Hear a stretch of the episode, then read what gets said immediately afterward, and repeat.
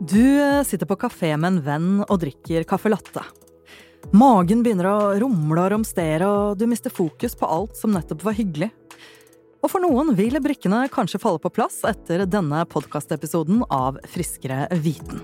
Friskere viten, en podkast fra Nyco Pluss om det du ikke allerede vet om helse og ernæring. Jeg heter eh, Arnhild Elster, og jeg prøver eh, som mange andre å tenke litt over hva jeg spiser. Det går sånn passe. Men eh, det er ikke sånn at jeg må passe på hva jeg spiser for ikke å risikere å få akutte plager, og jeg kan alltid spise det jeg blir servert. Men sånn er det ikke for alle, og kjæresten min for eksempel, han tåler ikke fisk, og må alltid styre og få bytta ut forretten i bryllup og sånn, alltid fisk til forrett i bryllup. Og han blir ofte møtt med litt uh, overbærenhet og en mm, mistanke om at han egentlig bare ikke liker fisk. I dag skal det handle om noe annet som stadig flere erfarer å reagere dårlig på, nemlig meieriprodukter. Og jeg er veldig glad for at vi har fått med oss en gjest med førstehånds erfaring, men eh, før jeg introduserer henne, så vil jeg bare få ønske velkommen til vår husernæringsfysiolog Åse Andresen. Kan du spise alt, du? Ja, nå er jeg vegetarianer, eh, men eh, melkeprodukter spiser jeg faktisk. Men jeg har jo jobbet mange år på sykehus som klinisk ernæringsfysiolog, eh, og der jobbet jeg blant annet med, med barn som ikke tåler melk. Og min erfaring er at det er mye misforståelse rundt forskjell mellom allergi og intoleranse. Eh, så jeg er veldig glad for at vi har et sånn fokus på det her i dag. Ja, for vi er også heldige å ha med oss Juni Boman Kristi, og du skal fortelle litt om eh, hvordan det har vært å navigere seg gjennom et system som egentlig ikke helt fant svar på hvorfor du hadde mye vondt i magen, før du selv tok grep og fant løsningen som funka for deg. Hjertelig velkommen! Tusen takk. Si gjerne litt om deg selv. Du er jo selvfølgelig mye mer enn ditt forhold til eh, meieriprodukter. Ja, det stemmer. Eh, ja, nei, jeg er da 25 år gammel og er fra Oslo, og har akkurat nå levert bacheloroppgaven min og blitt ferdigutdannet som tekstforfatter. Gratulerer. Tusen takk. Da jeg var liten, så var det alltid melk til brødmaten, og vi fikk høre at vi måtte drikke opp melkeglasset for å bli stor og sterk og for å bygge et solid eh, skjelett. Er det sant, eller, Åse? Ja, det er eh, sant. Eh, det er jo faktisk eh, sånn at melk inneholder nesten alle næringsstoffene kroppen trenger, med unntak av jern og D-vitamin. Noen melkeprodukter er tilsatt D-vitamin, men i utgangspunktet er det ikke noe D-vitamin og heller ikke noe jern. Men det er masse annet. Det er eh, B12-vitamin, det er B2-vitamin, det er eh, jod, det er proteiner, eh, fosfor, eller fosfat, kalium og ikke minst kalsium. Og jeg skal ikke gå i detalj på hva alle disse funksjonene til alle disse næringsstoffene er, men flere av de, både fosfat og kalsium, og også mm, proteiner, er viktig for skjelettet. Ja, så her er det nesten alt som er bra i melk. Men hva da med dem som ikke drakk melk da de var små, eller har sluttet med det da de blir voksne? Hva kan skje hvis man ikke får dekket kroppens behov? Nei, man må blant annet ha nok kalsium for å bygge opp skjelettet. Eh, man bygger opp skjelettet i barne- og ungdomsårene, fram til ca. 35-årsalderen. Da begynner det å gå nedover. Så kroppen eh, må ha tilstrekkelige næringsstoffer for å bygge så sterkt skjelett eh, som mulig. Så, og kostholdsundersøkelser i Norge viser at det er faktisk ganske mange barn og unge som ikke får nok kalsium. Eh, og i tillegg trenger man D-vitamin for å ta opp kalsiumet. Så det er en god grunn til at Helsedirektoratet anbefaler tre porsjoner melk og melkeprodukter daglig. Men så er det jo da dessverre ikke alle som får til det, eller som ikke tåler det. Ja, jeg hører også ofte et argument fra de som spiser plantebasert eller er skeptiske til dyrehold, at kumelk er ment for kalver og ikke for mennesker. Vet vi egentlig noe om det? Er mennesker liksom skapt for å drikke melk, siden vi trenger alle disse næringsstoffene som finnes i melk, eller har vi pleid å få i oss dette på et annet vis for skikkelig, skikkelig lenge siden, eller hva er perspektivet på det på ditt felt? Det går jo an å få alle næringsstoffene fra andre kilder.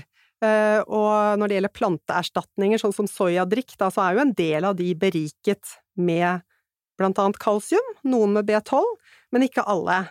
Eh, så det skal litt, så, det, det er, skal litt til, da, når mellom 60 og 70 prosent av kalsiumet vårt faktisk kommer fra melkeprodukter i det norske kostholdet, så sier det litt om hvor eh, bevisst man må være eh, for å få i seg tilstrekkelig fra andre kilder. Men så har jeg funnet ut at, da, at blant verdens befolkning, og særlig rundt ekvator, i Afrika, Asia og Sør-Amerika, så er det mellom 75 til 100% som reagerer på laktose. Nesten alle. Hva er det som gjør at mennesker i Norge tåler melk litt bedre enn folk andre steder? Du, de fleste barn eh, tåler laktose i hele verden, for det er jo masse laktose, altså melkesukker, i morsmelk til og med. Så de første par-tre leveårene så tåler de aller fleste melk. Eh, men så etter hvert så begynner det å avta. Da, eh, så voksne i de fleste land, de mangler dette laktaseenzymet som fordøyer laktose. Eh, men så er det genetikken som slår inn, da. For lenge siden så begynte vi i Nord-Europa og vi begynte med kuer, rett og slett. Eh, så har vi eh, klart å beholde, via evolusjon, dette enzymet som heter laktase. Sånn at selv voksne klarer å fordøye melkesukker. Men da snakker vi om laktose, ikke sant? Ja, ja. Og så er det melkeprotein, da, som vi skal snakke litt mer om senere. Men det er likevel interessant, syns jeg. Uh, Juni, ble du fortalt at du måtte drikke melk da du var liten? Jeg ble absolutt fortalt det, og jeg husker veldig godt eh, de, Mine første liksom, minner fra å også reagere på melk er jo nettopp i forbindelse med dette, da, skolemelken i første klasse. Eh, hvor eh, Den hadde jo alle til lunsj, det var litt stas. Og da Jeg husker også hver, nesten hver morgen en periode så lå jeg liksom oppå en sånn hems vi hadde over klasserommet og hadde vondt i magen. Så nei, jeg absolutt ble møtt med det egentlig i alle tilstelninger, om det er melk eller om det er eh, tilsatt i ting man skulle spise. Så nei, det var oppfatningen av at det er viktig. Ja, og du har jo hatt litt trøbbel rundt eh, spisesituasjoner i oppveksten.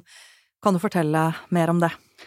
Ja, nei, det, det, er egentlig da mine første minner er jo da i barneskolealder, men jeg ble nok stemplet som litt sånn sensitivt barn eh, tidlig, og at jeg reagerte, for man ikke helt visste hva, så var det litt sånn ok, du reagerer lett på for mye av alt, egentlig. Eh, og, eh, men da ble det tydelig fordi du får servert mye rundt jul, får servert julegrøt. Du blir, får alle disse melkeproduktene eh, i store mengder, og måtte bli hentet på skolen for eksempel fordi jeg hadde vondt eller var dårlig, eller Og det kunne både være liksom komme opp eller komme ut, altså det er jo overalt, da. Eh, så jeg har absolutt måtte, følt på det. Hele veien at det har vært et eh, problem, da, og at det utviklet seg også hang ved meg etter hvert som jeg ble eldre ja. også. Foreldrene dine tok deg jo til slutt med til legen. Eh, hva skjedde der? Nei, først så prøvde vi sånn i tiårsalderen å ta tester selvfølgelig og finne ut hva det var. Jeg slo ikke ut på noen ting, og fortsatte også da å være dårlig i årene etter. Og da jeg var kanskje rundt tolvårsalderen, så var det da blant annet en lege som anbefalte antidepressiver eh, til meg, fordi at eh, det kunne, hadde han erfaring med at funket på de som var sånn sensitive, da. Så eh, det har vært eh, sånn vanskelig å egentlig vite helt eh, hva man skal gjøre. For man har kanskje prøvd å periodevis kutte ut noe, men så har man kanskje ikke vært konsekvent nok. Som barn så er man i hvert fall ikke konsekvent hvis eksempel i skole eller barnehager, hvis de ikke passer på, da. Så nei, jeg opplevde vel egentlig at jeg ikke ble noe, noe bedre, da. Ikke sant. Men uh, i dag så er dette heldigvis noe du lever godt med. Hvordan fant du selv uh, en løsning? Nei, når jeg gikk på ungdomsskolen og videregående, så begynte jeg å høre om dette med laktose, og laktosefrie produkter kom på en måte mer og mer da. Det hadde ikke vært så vanlig før det. Eh, og prøvde disse produktene, men opplevde allikevel å bli dårlig. For det var også vanskelig å finne ut av eh, hva som sto bak, fordi det ikke alltid var sånn at man ble um, dårlig med en gang. Det kunne gjerne være at en, en dag spiste du litt, og det gikk fint, en annen dag så reagerte man sterkt. Og opplevde etter hvert da at det nesten ble sånn at man fikk feber og ble kjempedårlig mot å være hjemme fra skolen og, og så videre. Eh, så først var det denne laktosen, eh, men opplevde da at det ikke funket. Eh, og da etter hvert på videregående og egentlig sånn nå i voksenlivet så ble jeg bedre og bedre på å kutte det helt ut, og tok heller da alternativer som plante eksempel melk, eh, eller å velge på restauranter bort ting som inneholdt mye melk, og har da opplevd en veldig, veldig stor bedring, og at det er mye mer forutsigbart for meg eh, om jeg skulle bli dårlig. Da har jeg gjort en dårlig jobb med å kutte ut og passe på. Så du har funnet veien selv, egentlig, via å Ja. prøve og feile litt? Absolutt. Ja. Og dette melkeproteinet hadde jeg jo aldri hørt om. Det var ingen som hadde nevnt det for meg, men det er jo tydelig det jeg må reagere på, da. Fordi at det kan ikke ha noen former for eh, kumelk. Det hjelper ikke med et laktosefritt alternativ. Mm. Men så bra at du har funnet ut av det for deg, men syns du, eh, du det er stress? Sånn som jeg snakket om til å begynne med i dag, at du må passe på å kanskje takke nei til ting du blir servert? Du, det har vært kjempestress, og spesielt fordi du på en måte ikke har et papir på at eh, du sliter med et eller annet, så blir det ekstra vanskelig. Og alle har bare hørt om laktoseintoleranse, og veldig lenge så var jeg usikker selv, og da har jeg jo sagt til folk at ja, men hvis dere bruker laktosefritt, så går det bra. Og sånn holdt jeg egentlig på ganske mange år, selv etter jeg hadde mistanken om at det ikke var problemet. Men jeg tenkte at ok, kanskje det kan hjelpe meg noe å bare kutte ut det. Eh, men eh, nå de siste årene så må jeg jo være helt streng på det, men det er alltid kjedelig. Jeg, har jo andre matrestriksjoner, som at jeg ikke spiser kjøtt, for eksempel, jeg også. Jeg opplever at jeg er en veldig vanskelig gjest på middag, for eksempel. Ja, opplever du at folk syns at du er eh, vanskelig, liksom ikke helt tror på deg, eller er, er dette litt mer innarbeida og noe folk har mer forståelse for eh, nå? Du, det kommer nok veldig an på eh, alder og eh, kanskje miljø, altså hva, hvilket forhold man har til det. Jeg opplever at mange, kanskje ikke nødvendigvis mot meg, men generelt har en oppfatning om at det er sånn trendbasert med For du blir ofte liksom, egentlig nesten som i veganerkategorien når du ikke skal ha melkeprodukter, og i hvert fall når du ikke spiser kjøtt også. Så den eh, Jeg har, absolutt opplevd at det er liksom problematisk, og at det, ja, det er lett at folk ikke helt tar hensyn til det, selv om man sier det ifra, da. Mm. Åse, dette er jo ikke akkurat eh, sjokkerende problematikk for deg som jobber med ernæring.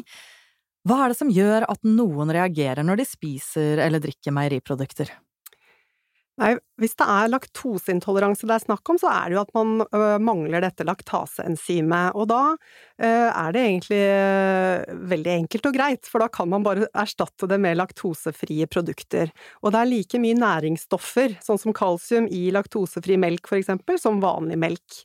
Det, og i tillegg så kan man ta sånne laktasetabletter som tilskudd, hvis man for eksempel skal ut på restaurant eller besøke noen. Eh, Så, så det er liksom ganske enkelt og greit. Eh, Mens eh, hvis det er melkeprotein man reagerer på, så er det jo en mye strengere diett. For da må man utelukke absolutt alt av melkeprodukter. Og da er det også større risiko for å ikke få i seg nok av blant annet kalsium, men også jod. Har det vist seg at er, hovedkilden er melkeprodukter, da, i tillegg til hvit fisk. Så det er ikke så mange matvarer som inneholder jod. Ja, hva kan være et tegn på at det er noe i meieriproduktene man eh, reagerer på? Er det snakk om laktoseintoleranse, så er de vanligste symptomene luftplager, eh, løs eh, avføring og smerte, rett og slett. Og det oppleves gjerne kort tid etter inntak. Så har man drukket et glass melk, så går det ikke så veldig mange minuttene, gjerne, før man merker det.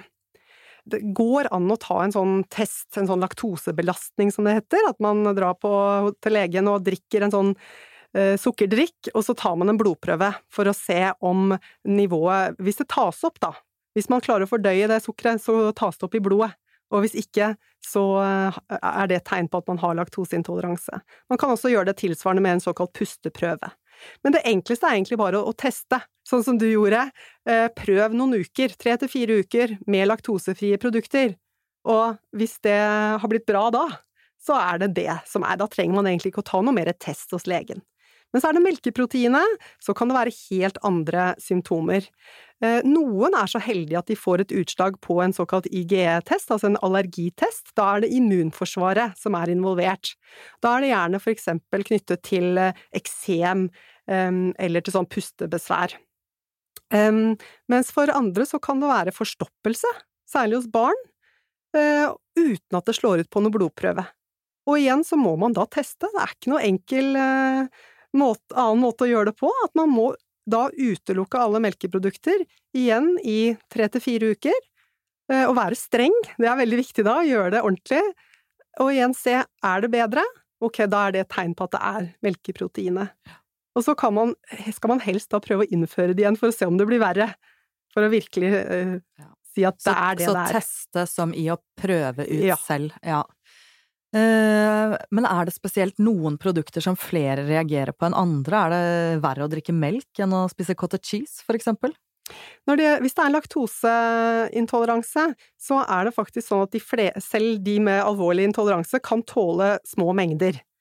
Eh, så, og særlig hvis man da fordeler det utover dagen, så tåler de aller fleste å drikke litt melk og spise litt yoghurt, for eksempel. Um, mens for eksempel harde oster, sånn som gulost, inneholder nesten ikke laktose.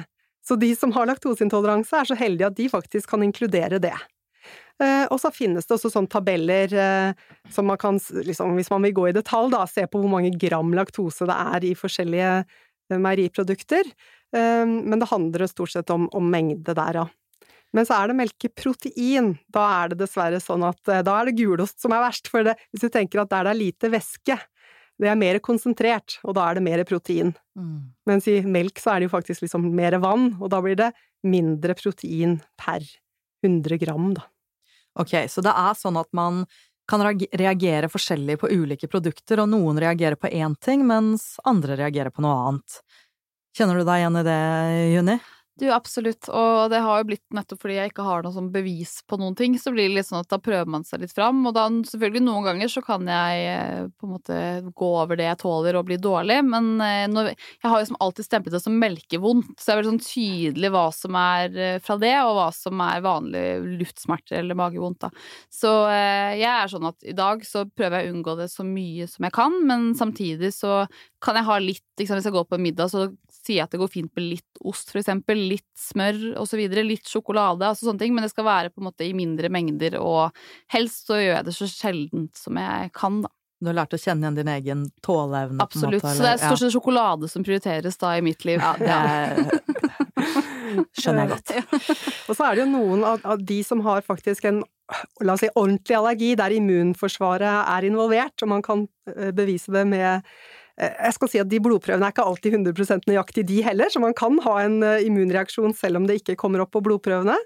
Eh, men, men uansett så er det da en del som tåler oppvarma melkeprodukter bedre. Så hvis det er noe, ja en saus for eksempel, som har litt oppvarma fløte, eller hvis det er smør som er stekt, så kan det ofte tåles bedre enn sånn ren melk, for eksempel. Så det er veldig Det er komplisert. Det er helt sånn avhengig av ja, virkelig, det For meg høres det litt på. sånn random ut, og det er kanskje derfor det er vanskelig å håndtere det også. Mm.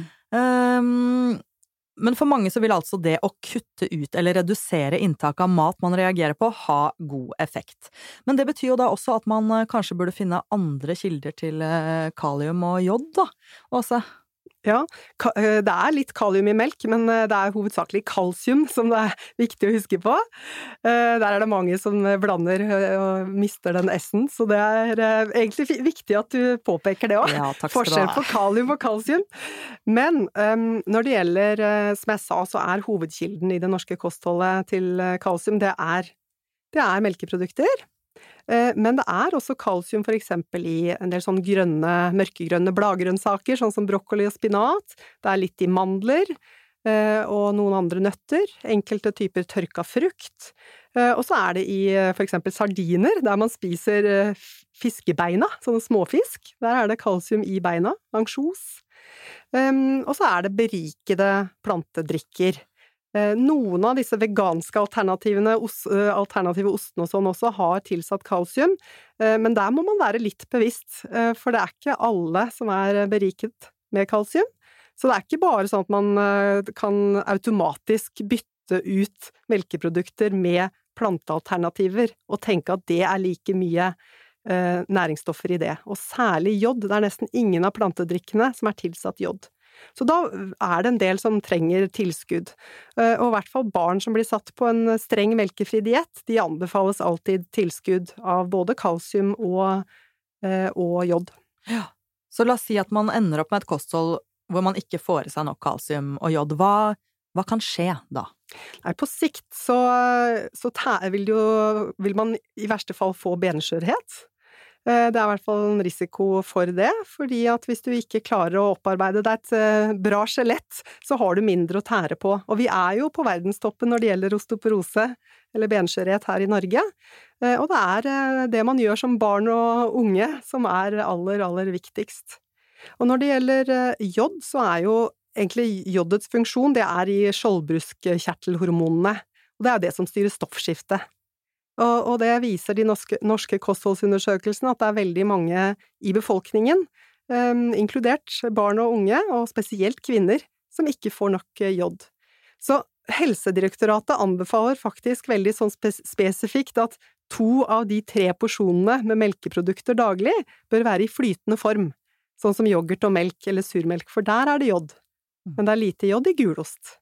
Så igjen, spiser man ikke melkeprodukter, da må man liksom være litt sånn ekstra bevisst, særlig hvis man ikke spiser mye sjømat i tillegg. Torsk, for eksempel, er en god jodkilde.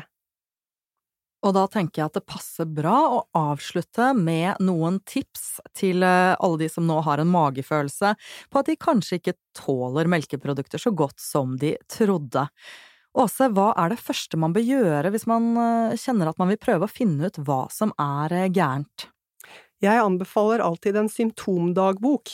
At man gjør en kostregistrering, skriver ned alt man spiser og drikker, eh, og samtidig skriver når man eventuelt har symptomer og hva det er. For det er en veldig bra start. Kartlegge. Og så eventuelt teste da tre, tre til fire uker uten laktose, kanskje i første omgang, og hvis ikke det funker, helt melkefritt. Juni, har du et par tips å komme med basert bare på din erfaring? Ja, jeg er jo jeg er veldig enig i det å prøve seg fram, rett og slett, og den å være litt konsekvent. Eh, og så gjelder det bare generelt også bare Det er jo selvfølgelig en omstilling, men det er jo veldig verdt det, da. Hvis man gidder å bare ta og kjøpe noen andre produkter og kutte ut selv om ting er godt, så fins det alltid mye bra. Og jeg selv lever kjempegodt med det og har funnet masse bra alternativer. Så jeg tenker at det viktigste er bare å prøve seg fram, være konsekvent og være sånn tydelig også for andre at ja, men dette trenger jeg, og da er det viktig at det også følges, da. Herlig. Åsa, til slutt.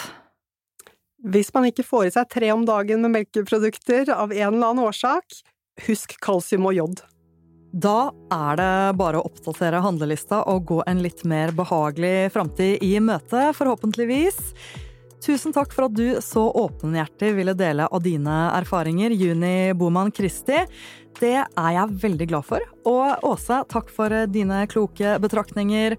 Og takk for at du hørte på. Har du noe på hjertet etter å ha hørt denne episoden, tar vi gjerne imot tilbakemeldinger og spørsmål som du kan rette til Nycoplus på Facebook. Og så kan du besøke nycoplus.no for mer viten. Vi høres. Ha det bra.